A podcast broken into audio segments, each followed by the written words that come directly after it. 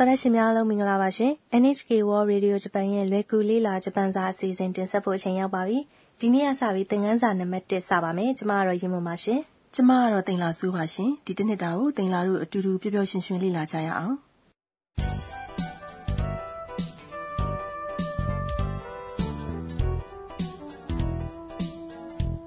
တော်တဲ့ရှင်တို့လွယ်ကူလေးလာဂျပန်စာသင်ခန်းစာရဲ့အဓိကဇာတ်ကောင်ကအန်နာပါ သူဟာဂျပန်မန်ဂကာတွန်းတွေကိုထိတ်သဘောကျတဲ့ထိုင်းနိုင်ငံလာတဲ့ကျောင်းသူလေးတစ်ယောက်လေအန်နာဘန်ကောက်မှာရှိတဲ့တက္ကသိုလ်တစ်ခုမှာဂျပန်ဘာသာအဓိကယူထားပါတယ်အဲ့ဒီတက္ကသိုလ်မှာသူဟာလွယ်ကူတဲ့နေ့စဉ်သုံးဂျပန်ဘာသာစကားကိုပြောတတ်အောင်သင်ယူလာပါတယ်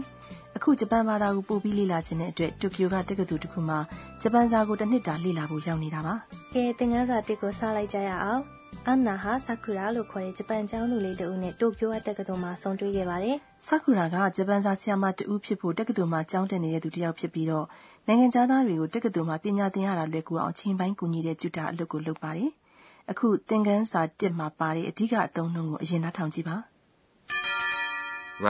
はアンナです။အခုပြောသွားတာတော့ဒီကနေ့အတွက်အဓိကအသုံးနှုန်းပါ။ကျမဟာအန်နာပါလို့အဓိပ္ပာယ်ရပါတယ်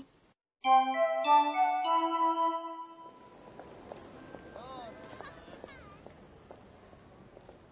はじめまして。私はアンナです。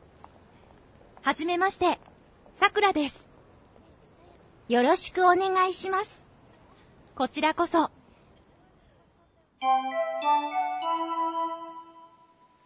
ကဲဒီစကားပြောတွေကိုရှင်းပြမယ်နော်။ဟာဂျီမဲမတ်တဲ့တွေ့ရတာဝမ်းသာပါတယ်လို့ပြောသွားတယ်။ဒီစကားကလူတဦးနဲ့တဦးပထမဆုံးချိန်တွေ့တဲ့အခါမှာနှုတ်ဆက်တဲ့စကားပါ။ တစ်ဖက်လူကအဲ့ဒီလိုနှုတ်ဆက်လာတဲ့အခါမှာကိုကလည်းဟာဂျီမဲမတ်တဲ့လူပဲပြောရတာပေါ့နော်ဟုတ်ပါတယ်ကဲဒီနေ့အတွက်အဓိကအသုံးနှုန်းဆက်သွားရအောင်ဝါတာရှိဝအန်နာဒစ်ကျမဟာအန်နာပါဆိုတဲ့ဝါကြမှာဝါတာရှိကျွန်တော်ကျမဝဆိုတာကတားပြဝိဘတ်မြန်မာလိုဆိုရင်ဒီဟာလို့အဓိပ္ပာယ်ရပါတယ်ဝါကြတွေကအဓိကအကြောင်းအရာကိုညွှန်ပြတာပါအဓိကအကြောင်းအရာကိုဘယ်လိုညွှန်ပြတာလဲရှင်းပြပါဦး အဓိကအကြောင်းအရာကဝါကြတစ်ခုရဲ့ကတ္တားဖြစ်ခြင်းလည်းဖြစ်မယ်။ကတ္တားမဟုတ်တဲ့အခါလည်းရှိတယ်။ဒီဝါကြမှာတော့ဝါတရှိကျွန်တော်ကျမဆိုတဲ့အဓိကအကြောင်းအရာကတ္တားကိုညွှန်ပြတယ်လေ။အန်နာဆိုတာကလူနာမည်အန်နာဒက်စ်ကဖြစ်ပါတယ်လို့အဓိပ္ပာယ်ရတယ်။ဝါတရှိဝ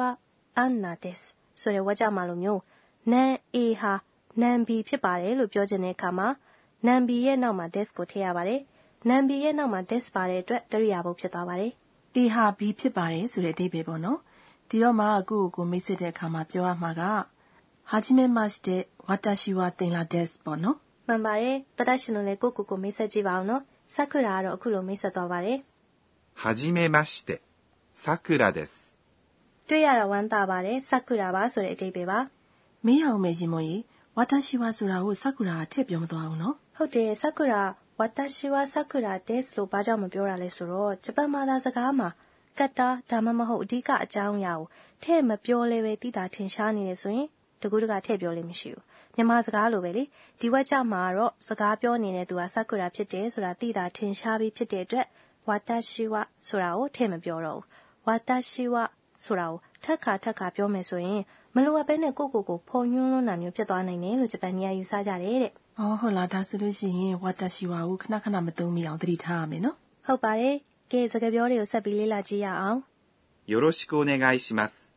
ဒါကိုကိုကိုကိုမိတ်ဆက်တဲ့အခါမှာအရန်သုံးတာအခုချိန်ကစပြီးခင်ခင်မင်မင်ပေါင်းတင်ဆက်ဆံကြရအောင်ဆိုတဲ့သဘောပါ။ဒါရင်မကသေးဘူး။တစ်ဖက်သားကိုအကူအညီတောင်းခံတဲ့အခါမှာလဲစကားအဆုံးမှာဒီよろしくお願いしますဆိုတာကိုထည့်သုံးကြတယ်။ဒါသိကိုအသုံးဝင်တဲ့အသုံးနှုန်းပဲနောက်ဆိုတွင်တွင်ကြီးသုံးရမယ် ကဲဖြည်းဖြည်းချင်းပြောပြထားတော့နားထောင်ပြီးတော့လေ့ကျင့်ကြည့်ရအောင်နော်よろしくお願いしますအဲ့ဒီအခါဘယ်လိုပြန်ပြောရမလဲこちらこそကျွန်တော်လဲကျမလဲတွေ့ရတာဝမ်းသာပါတယ်လို့ဆိုလိုတာပါကဲအခုသင်ခန်းစာတင်မှာပြောခဲ့တာတွေကိုနောက်တစ်ကြိမ်ပြန်နှားထောင်ကြည့်ရအောင်ဒီကနေ့အတွက်အဓိကအသုံးနှုန်းက私はアンナですကျမဟာအန်နာပါ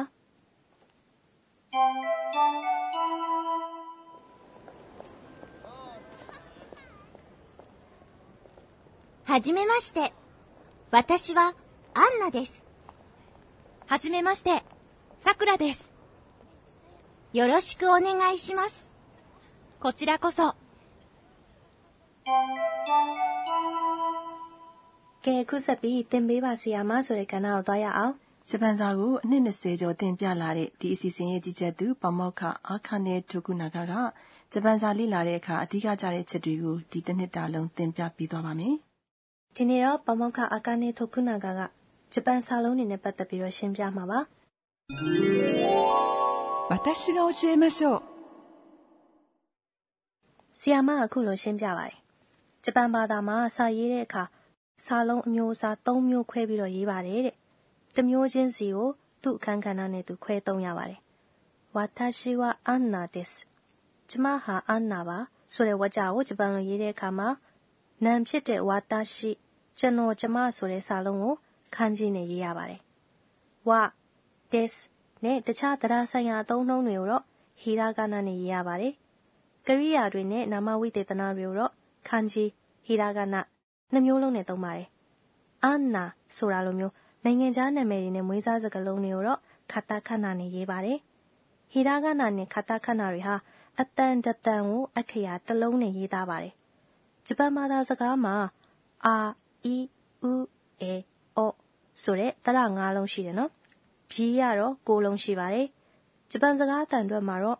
တရတစ်လုံးနဲ့အတန်ထွက်တာလည်းရှိတယ်။ဒါမှမဟုတ် ပြီးနဲ့တရကိုပေါင်းဆက်ပြီးတော့အတန်တတန်ထွက်တာလည်းရှိပါတယ်။ဒါတွေအပြင်อืมဆိုတဲ့အတန်လည်း ရှိပါသေးတယ်ရှင်တတရှင်တို့ရေ ဖတ်စာအုပ်နဲ့ ဂျပန်စကားပြောသင်ခန်းစာရဲ့ အင်တာနက်စာမျက်နှာမှာ ပြထားတဲ့ ရင်းနှီးတွေကိုသုံးပြီးတော့ တတရှင်တို့ရဲ့နာမည်ကိုဂျပန်လိုကြိုးစားပြီးရေးကြည့်ပါဦးနော်တတရှင်တို့ရေဒီနေ့အတွက်သင်ပေးပါဆီယာမကဏ္ဍကတော့ဒီလောက်ပါပဲ။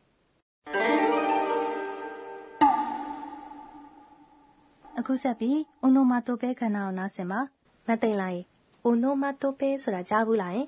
အော်အီအီအိုဆိုတဲ့ကြက်တွန်တန်လိုမျိုးကိုပြောတာမဟုတ်လား။ဟုတ်တယ်ဟုတ်တယ်။ R E E O ဆိုတာကိုဂျပန်လိုဆိုရင်ဒီလိုမျိုး ကိုကေကိုကိုကိုကေကိုကိုတက်ရှိတက်မဲ့တွေရဲ့အတန်တွေအမူအရာတွေကိုဖော်ပြတဲ့မိသားစုတွေအားလုံးကိုအွန်နိုမာတိုပဲလို့ခေါ်တယ်လေဂျပန်ဘာသာစကားကအွန်နိုမာတိုပဲတွေများတဲ့ဘာသာစကားတစ်ခုလားဟုတ်တယ်မိုင်မန်ဂါကတ်တွန်းတွေထဲမှာလည်းအွန်နိုမာတိုပဲတွေအများကြီးပါတတ်တယ်ဒီအစီအစဉ်မှာတော့အွန်နိုမာတိုပဲအမျိုးမျိုးအသုံးပြသွားမယ်ဒီနေ့တော့ဒီအတန်ကိုမှတ်ကြရအောင်ဒီအတန်ဂျပန်လိုဘာအတန်ကိုဖော်ပြရလို့ထင်လဲတယောက်ယောက်က drum ကိုတီးလိုက်တဲ့အခါမြည်တဲ့အတန်မျိုးလား နီးစက်တယ်။ပကုံးမော်တင်ပြီးတော့တီးတဲ့ဂျပန်ရိုးရာပုံအသေးစားကိုတီးလိုက်တဲ့အခါမှာထွက်လာတဲ့အတန်လေ ထင်တော့ထင်သားပဲ ။ဒီတော့ဂျပန်လိုမိသားစုနဲ့ဖော်ပြမယ်ဆိုရင် ポン ပုံးဆိုတာကိုသုံးနည်းမျိုးမျိုးရှိတယ်။ဥပမာရေမောကဒီလိုမျိုးမရဲ့ပခုံးအသားလေးပုတ်လိုက်တဲ့အခါမှာထွက်တဲ့အတန်ကိုလည်းပုံးလို့ပြောတယ်။နောက်ပြီးတော့ပေါက်ပေါက်ဖောက်တဲ့အတန်ကိုလည်းပုံးလို့သုံးတယ် อืมစိတ်ဝင်စားစရာပဲနော်တတရှင်တို့ရေအိုနိုမာတိုပဲတွေအပတ်စဉ်လေ့လာပြီးတော့လက်တွေ့သုံးကြည့်ကြမယ်နော် ။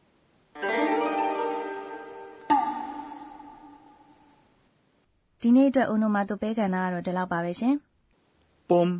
ဆိုတဲ့ မြည်သံဆွဲစကားလုံးကို မိတ်ဆက်ပေးခဲ့တာ သောတရှင်တို့ မှတ်ထားပေးပါဦးနော်။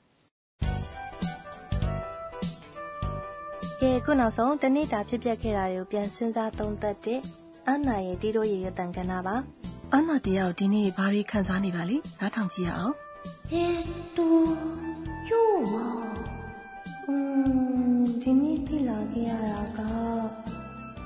တယောက်နဲ့တယောက်နှုတ်ဆက်တဲ့အခါအားလုံးအုံညွတ်ကြတယ်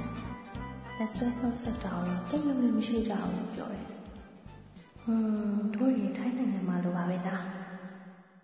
တတရှင်တို့ရေဒီနေ့သင်ခန်းစာရဲ့အဓိကအသုံးနှုန်းက 私はアンナです。 ။ကျမဟာအန်နာပါဆိုတဲ့ဝါကြပါ။ကဲဒီကနေ့စီစဉ်ရတော့ဒီလောက်ပါပဲတော်တာရှင်တို့ကြီး။次回もお楽しみに。 နောက်လာမယ့်သင်ခန်းစာကိုလည်းစောင့်မျှော်နှားဆင်ပါအောင်ရှင်။